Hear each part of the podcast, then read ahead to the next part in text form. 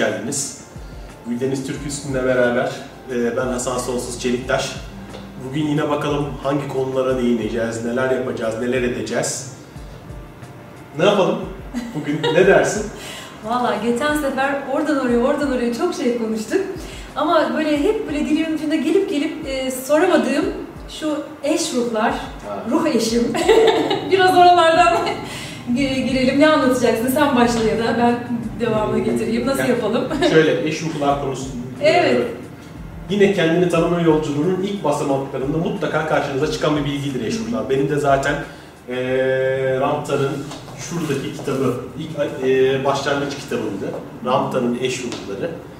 Eş ruhlar her genç spiritüelin karşısına çıkan ve e, müthiş çekici, müthiş cazibeli bir konudur. Eş ruh ya düşünsene. Benim diğer yarım. Dünyanın öteki tarafında ya da bir tarafında bir kadın var, bir erkek var. Ben onunla birleşeceğim, sonsuz mutluluk yaşayacağım. Nasıl güzel bir şey değil mi? Fikir olarak öyle bir şey yok. Yok mu? Aa. Ya yok. Hayır duymak istediğim bu değildi. E- eş ruhlar romantik bir konu değildir.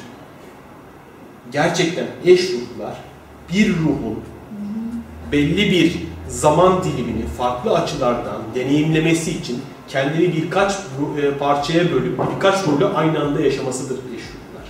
Nasıl? Şimdi ben sana bir eş ruh hayatımı anlatayım mı? Hani reenkarnasyon da giriyor için işine reenkarnasyonu başka bölümlerde konuşuruz.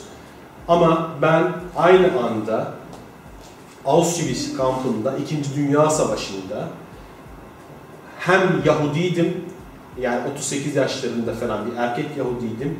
Eş ruhumda bir Nazi subayıydı. Ve ikisi birbirini buldular. Eş ruh bulması, buluşması. Yani eş ruh dediğimiz şey biz zaten kendimiz miyiz yani? Yine Yani senin kendi ruhun yani bir ruh Aa. aynı anda şey düşün sen tiyatrocusun bir Evet. sahnede aynı anda birkaç rolü birden oynuyorsun. Aynı kişi sahneye giriyorsun çıkıyorsun giriyorsun çıkıyorsun sürekli farklı rolü oynuyorsun şey aynı rolü oynuyorsun ama aynı sahne içindesin. Farklı rollerine bir şey yapıyorsun. Eş ruh dediğin 90 yaşında bir sokaktaki bir dilenci de olabilir. Bu eş ruh ama senin sorduğun romantik kısmı ha o hepimizin sorduğu sorudur. Evet hayatımızı paylaşabileceğimiz eşlerimiz vardır. Bununla ilgili çok sevdiğim bir örneği milattan sonra 2150 kitabında hep veririm. Okudun mu o kitabı? Yok okumadım. Ha, onu da mutlaka okunacaklar listesinde olması lazım. Milattan sonra 2150 kitabında 1 milyon kişilik bir toplum vardır. 1976 yılından bir adam 2150 yılına gider.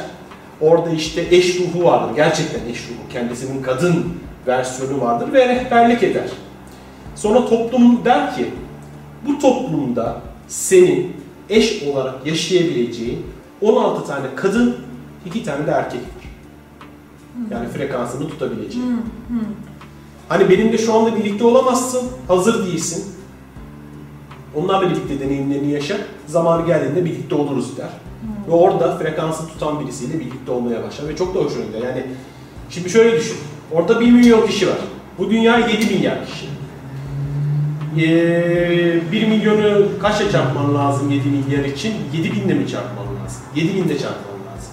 1 milyon toplumda 15-16 tane kadın varsa 7 binle çarp ee, ne bileyim bu dünya üzerinde benim mesela frekansımın tutabileceği 100-150 bin tane kadın var demektir. İki tane de erkek vardı değil mi? 7 bin, 14 bin tane de erkek var. yani İş onlarla buluşmaya mı kalıyor yani? e zaten buluşuyorsun hayatın içinde. Buluşuyorsun. Yani karşı karşıya geliyorsun, evleniyorsun, birlikte çıkıyorsun, sevgili oluyorsun. Hatta birisiyle birlikteyken başka birisinden de hoşlanabiliyorsun.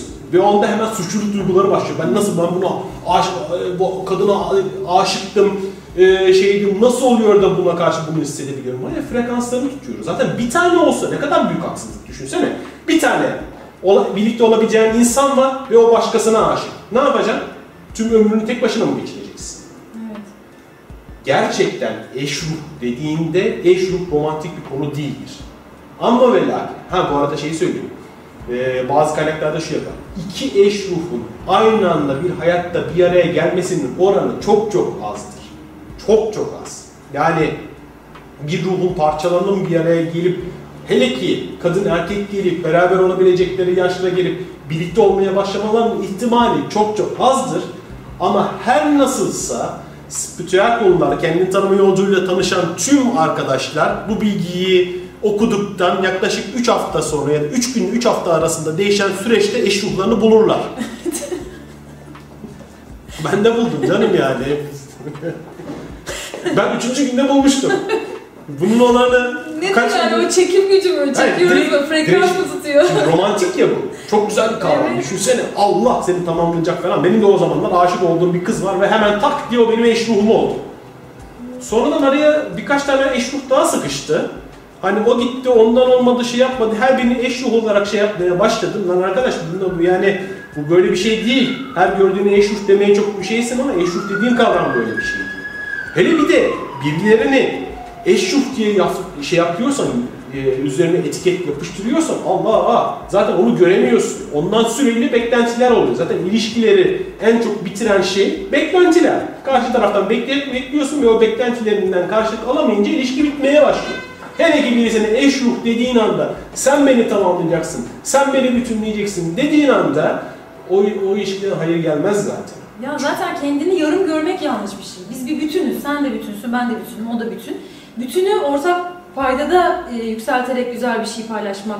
Şimdi Dokuz Kehanet diye- bir kitap vardır. Belki okumuşsundur, duymuşsundur bilmiyorum.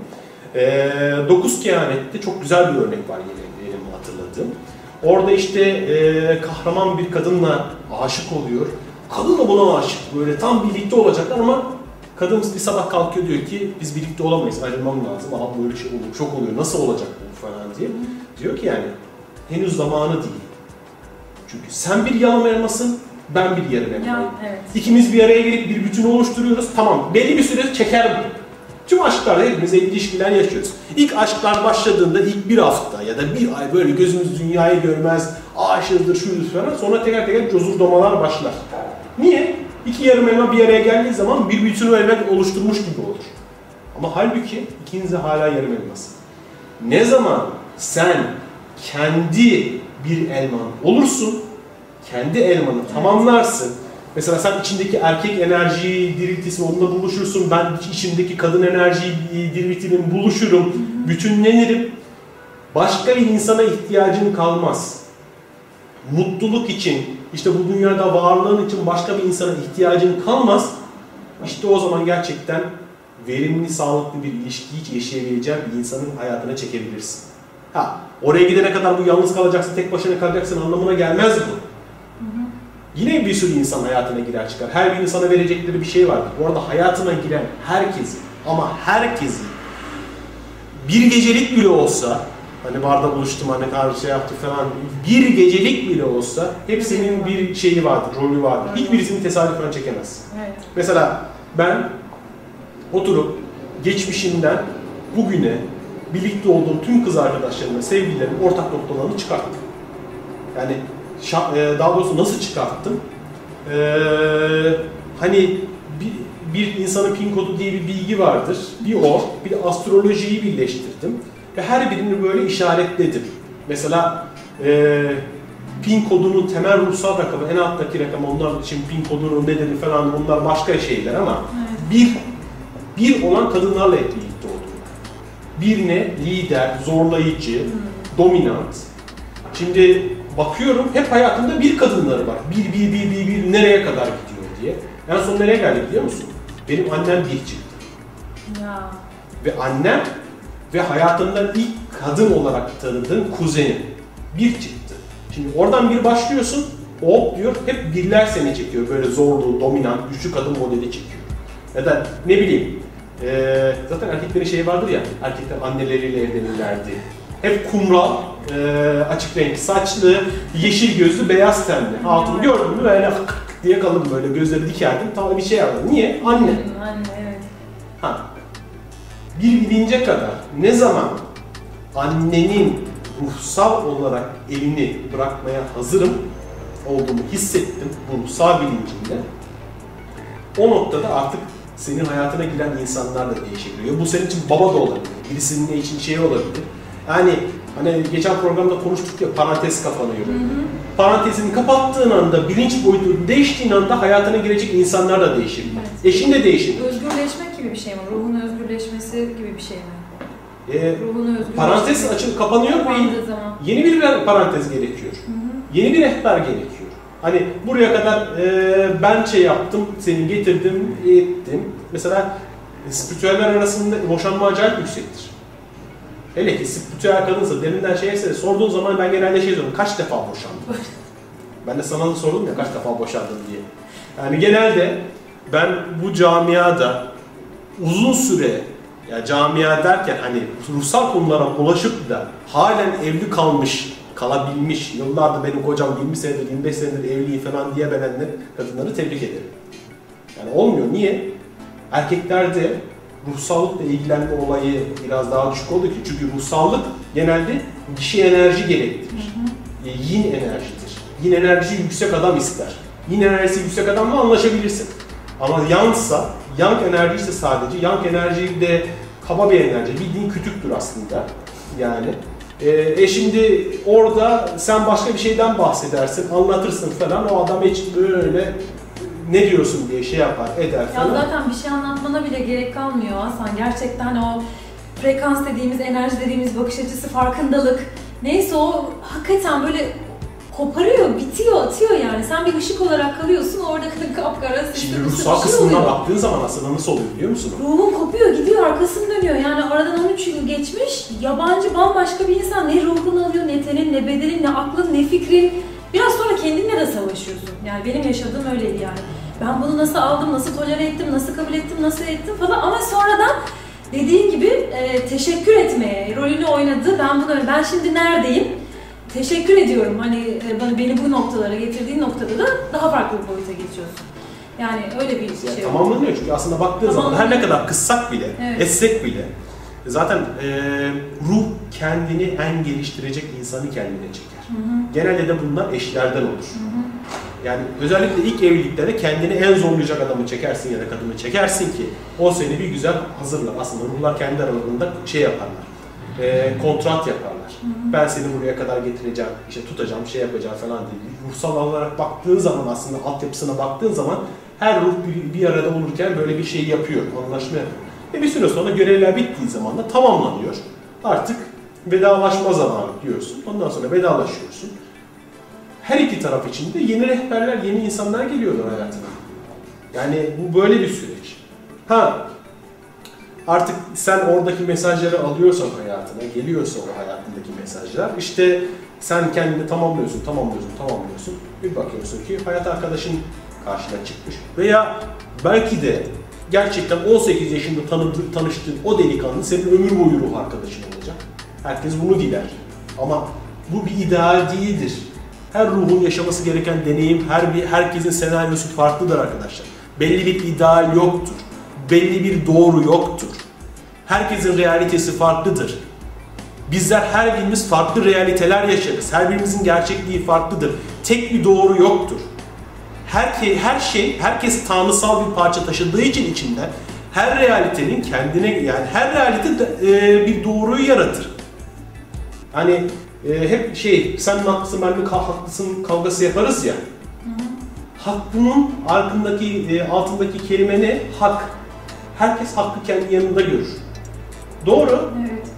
Herkes haklı. Çünkü hak hepimizin içinde. Ve herkes kendi realitesini yaratıyor.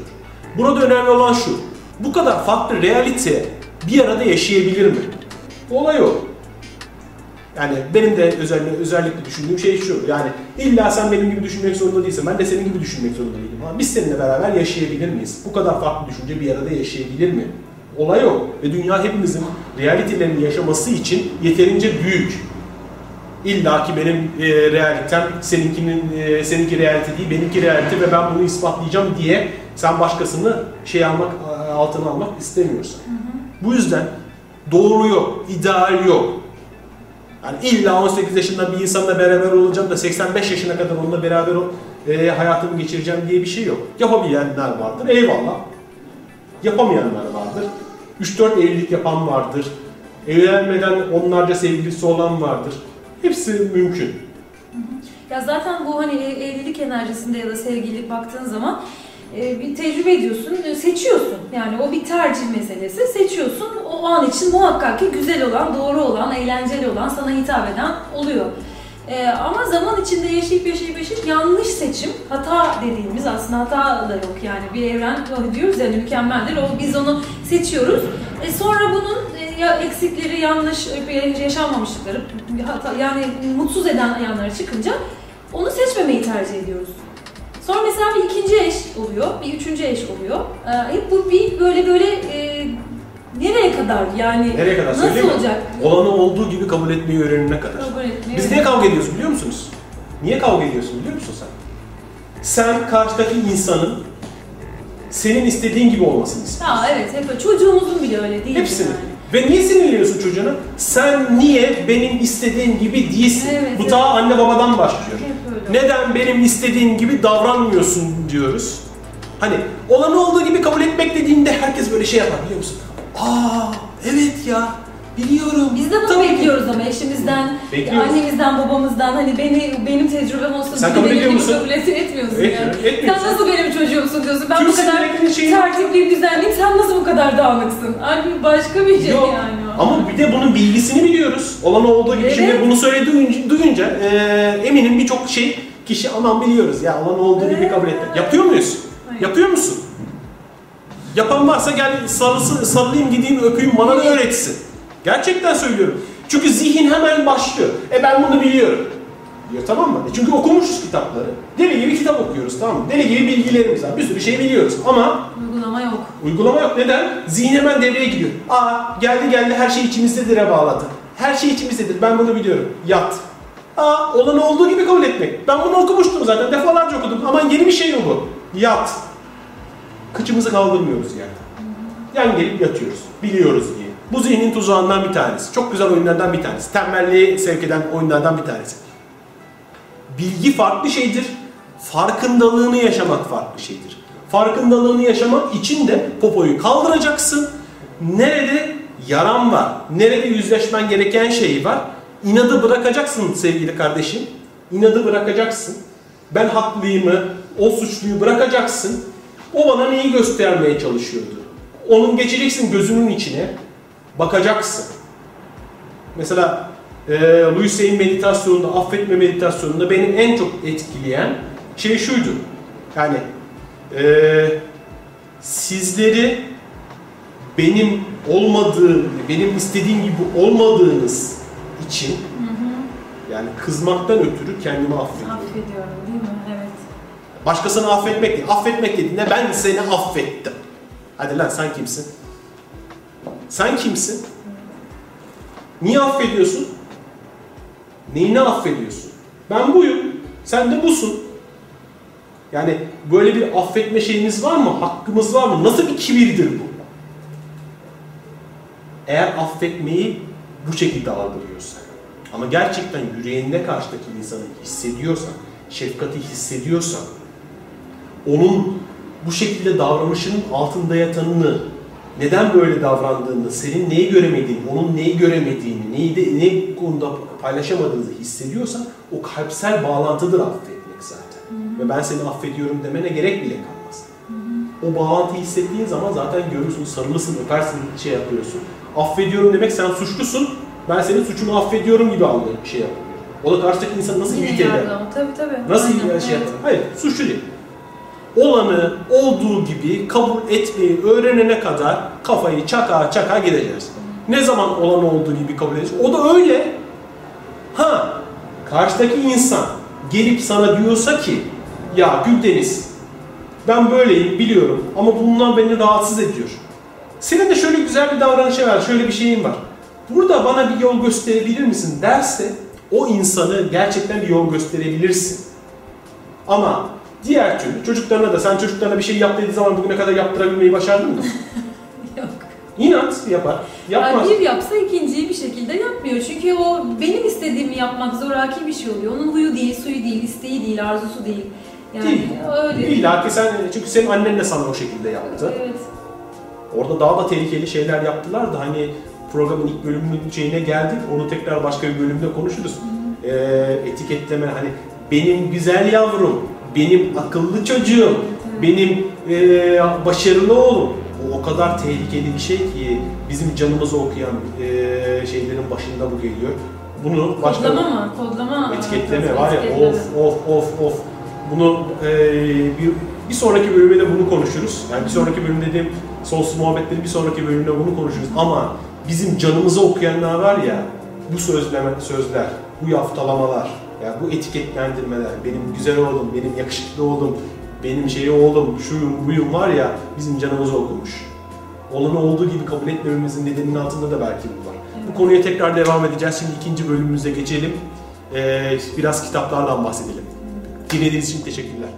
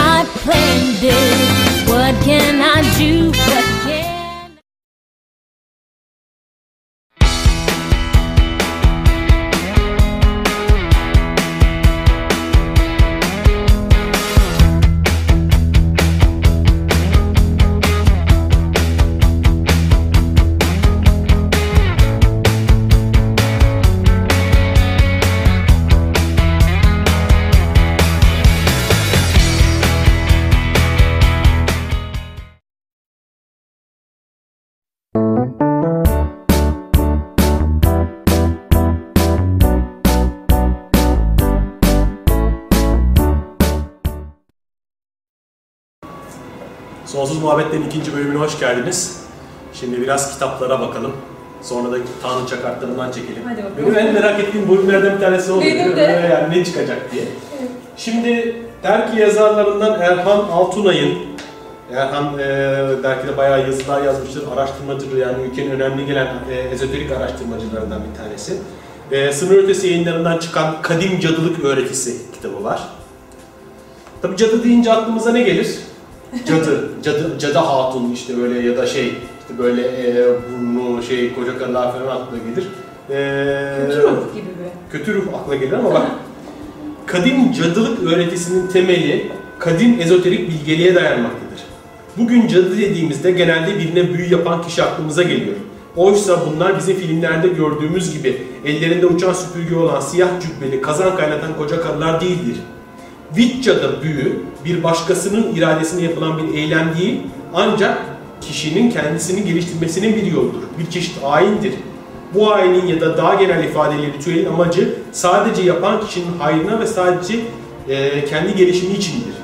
O kendi iş dünyasında sadece dünya ve evren ile birliği amaçlayan ve kendi tekamülünü gözeten bir kişidir. Hani ülkemizde bu konuyla ilgili çok yayın yok. Erhan da bu konuyu iyi bilir. Paganizm üzerine de bir e, kitabı var kendisinin. Sınır ötesi yayınlarından konuyla ilgilenenler. Yani aslında biliyor musun? E, hakikate giden birçok yol var. Sayısız yol var.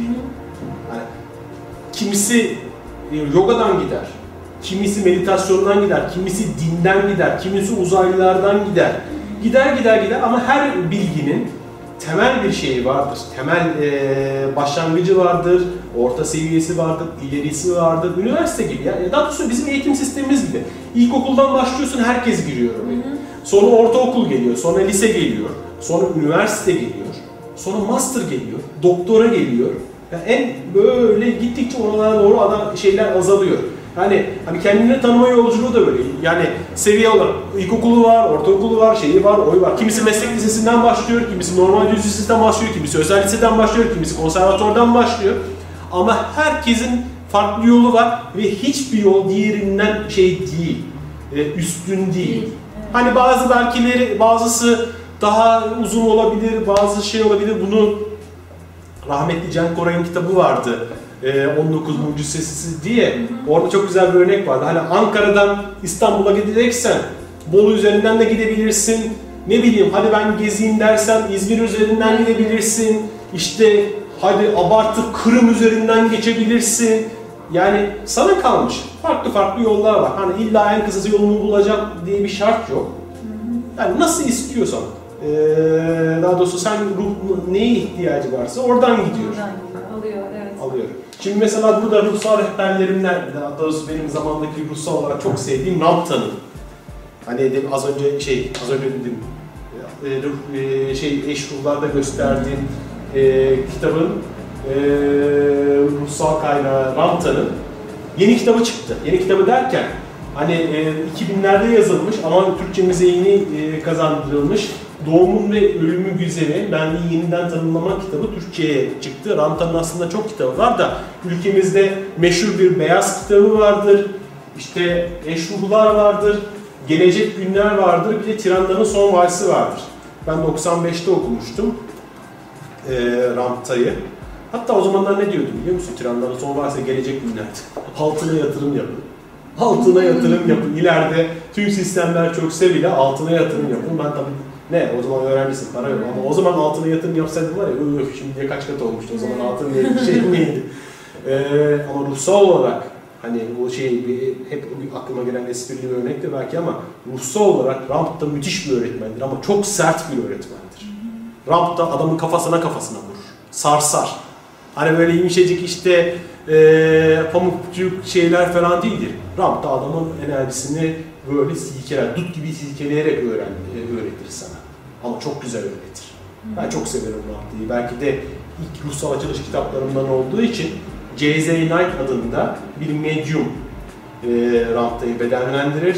E, ve Ramp'ta onun bedene girdiğinde onun işte şeyiyle konuşur. Ramp'ta işte bunun yanılmıyorsam Atlantis zamanlarında yaşayan bir şey eee, komutan sonra bedeniyle beraber yükseliyor farklı boyuta geçiyor işte Hindular da buna Tanrı Ram olarak takıyorlar falan gibisinden şeyler var. Hadi içinden bir sayfa seç de okuyalım.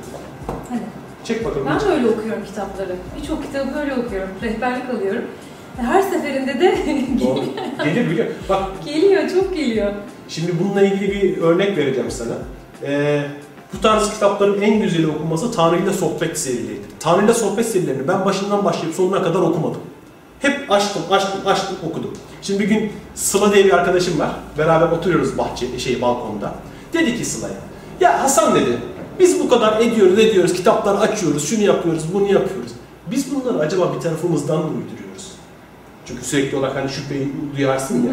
Sürekli olarak şüphe duyarsın, şey yaparsın, sorgularsın, edersin. Dedi, dedim ki ben de, kızım dedim bak, eğer biz bunları uyduruyorsak açalım kitabı ve rastgele bir şey çıkar. Heh. Yani hiç alakasız. Ama uydurmuyorsak parmağımı koyarım ve öyle bir cümle çıkar ki bize burada böyle lak diye şey yap- yapıştırır. Cevabı yapıştırır. Açtım ve koydum. Ak kızım dedim şimdi koydum ne olacak? Ben böyle kala kaldım satırları görünce. Sıla dedi ne oldu Hasan dedi. Şöyle bir cümle yazıyordu arkadaşlar. Eğer bunları kendinize uydurduğunu düşünüyorsanız beni aşağı çekersiniz. Sıla ağlamaya başladı. Ben secdeye Bak. o yüzden hani bilinçli olarak yaptığınızda hani ben bir şey çekeyim dediğinizde bazen çok alakasız şeyler çıkabiliyor. Ama gerçekten o anda ihtiyacınız olduğunda açtığınızda parmağınızı koyduğunuzda yanıt gelir.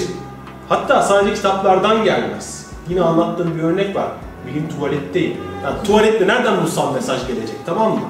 Hani iddialaşıyorum benimkiyle o zamanlar işte. Der ki "Aa işte beni tuvalette nereden mesaj vereceksin arkadaş yani nereden olacak falan yani. Delikanlıysan, delikanlı yüksek benliksen burada da mesaj verirsin dedim. Böyle şey yapıyorum yüksek benliğine tabii inanmaya Evet, aşamasındayım. Orada Blue Jean dergisi vardı. Arkadaşım gelmiş koymuş. Neyse ıslanmış da bir dergi artık banyo, şey, banyoyla beraber falan böyle parçalanmak üzere falan. Ben aldım arkasını çevirdim. Artık bunların arkasında ne var biliyor musun? Ne yazıyor? Aradığınız cennet içinizdedir. Oo, cevabın en güzeli. Kod reklamı arkasında ama ben böyle durdum. Dedim ki tamam. Haklısın sen de şey yapmıyorum, aşık atmıyorum. Seninle şey yapılmaz ama mesajını verecekse gelir seni tuvalette bile bulur yani. O yüzden aynen aynen. bakalım şimdi ne çıkacak. Koy bakalım hiç alakalı da bir şey çıkacak. Açıyorum Aç hocam. bakalım aç. Rastgele Parmağını koy bakalım. Cümleyi de oku.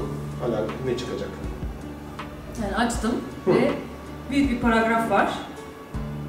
Aa çok güzel. Bak, Hemen şey yapayım. Bir üstadın göz korkutucu olmaması önemlidir. En büyük fenomeni ise sonsuz bilgelik gösterisi olan ki onun doğal yeteneğidir. Bir üstadın göz korkutmaması, cesaret vermesi ve teşvik etmesi önemlidir. Sizden bugün öğrendiğiniz şey tarafından teşvik edildiğinizi hissetmenizi, bu konuyu ele alacak kadar güvenli bir yerde bulunduğunuzu, değişmek isteyecek kadar cesaretlendirildiğinizi hissetmenizi istiyorum. Çünkü siz beni asla hayal kırıklığına uğratmayacaksınız. Diye devam eden eee, bir şey var. Evet, öğrenmek için buraya geldim. Ciddi bir değişimin ve e, dönüşümün içerisindeyim. Ee, üstad dediği, yani e, yani nasıl nitelendiriyorsun kendini bilmiyorum. Ben Ama- nasıl nitelendiriyorum biliyor musun? Aha, Ben eee çenem çok çalışıyor. şey yapıyorum. Hani çeşnici başı olarak yani bunların hepsinden önceden eee, gittim tadına baktım. hı hı. şey şeyden, açık büfeden. Şimdi geldiğin zaman sen, şimdi geliyorsun, diyor ki bak Güldeniz burası acı. Burası çok leziz, burası çok tatlı. Ve ben hep yazılarımı yazarken şey derler, aa tam da şeyi söyledim, tam da ihtiyacım olan şey. Niye? Ortak bilincin akacağı bir kanalım ben. Ben hep kendimi açıyorum, diyorum ki ne akması gerekiyorsa aksın. O anda hepimiz aynı şeyi yaşıyoruz. Ben birbirimizden yok bir farkımız. Sadece çenesi biraz daha fazla çalışan. Ha büfeyi gitmiş önceden biraz tadına bakmışım. Yoksa hani Üstad yalnız deyince burada bir şey daha eklemeye yapmak istiyorum Raptan'ın söylediğini. En zor şeylerden bir tanesi gerçekten üstad bulmaktır yolculuklarda. Temel bir şey söyleyeyim size. Çok temel bir ayrım söyleyeyim. Gerçek bir üstadla yani size gerçek bir üstad nasıl olur? Gerçek üstad kendini size e, kendisine bağlamaya çalışmaz. Ben yoksam siz yoksunuz demez. Benden ayrılırsanız kaybolursunuz, kaybolursunuz fikrini söylemez. Gerçek üstad üstadlar yaratır. Boynuzun kulağa geçmesini keyifle izler. O zaman yani sınırsızlaştırır sizi. Sınırlıyorsa zaten bir bilgi seni sınırlıyorsa o e, egodandır. Ama sınırsızlaştırıyorsa özdendir. Gerçek üstad üstadlar yaratır. Unutmayın. Bu hep püf noktası olarak aklınıza kalsın. Eğer o kişi içinizi sıkıyorsa, sınırlan şey yaptığınızı, bağımlandığınızı hissediyorsanız o sizin üstadınız değildir. Ha bazıları da gerçekten başlarına çoban arıyorlar. O onlara hitap eder. Yani bazıları özgürlük peşinde değil. Birisi gelsin bize şunu yapalım, bunu yapalım, şunu edelim, bunu edelim desin derdinde. Ya onlar için bu, bu tarz şeyler var. Evrende herkesin belli bir rolü var. Yani var olduğunu bilirsin, ulaşmak istediğinde ulaşabileceğini bilirsin. Yolunda özgürsündür, ilerlersin. Ee, bir nefes istediğinde köşe başında buluşup alıp devam edersin. Öyle Evet. bir şey mi? Öyledir. Yani hatta daha da şeydir. Çok sevdiğim bir hikaye var. Yani birinci bölümde anlatmıştım. Bir tanesi çukura düşmüş. Yanından bir tane şey geçiyormuş, Alp geçiyormuş. Ha, Bağırmış, evet. bağırmış, şey yapmış.